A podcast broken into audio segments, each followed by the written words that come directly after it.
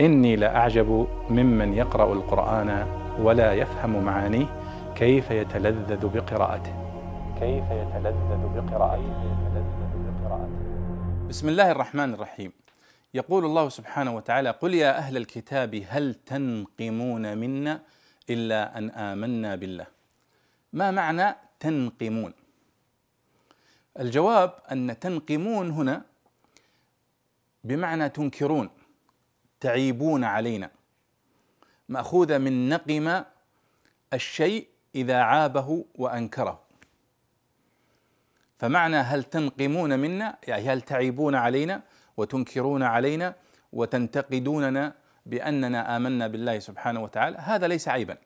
فاذا تنقمون بمعنى تستنكرون وتعيبون وتنتقدون. ماخوذه من نقم الشيء إذا عابه وأنكره وانتقده.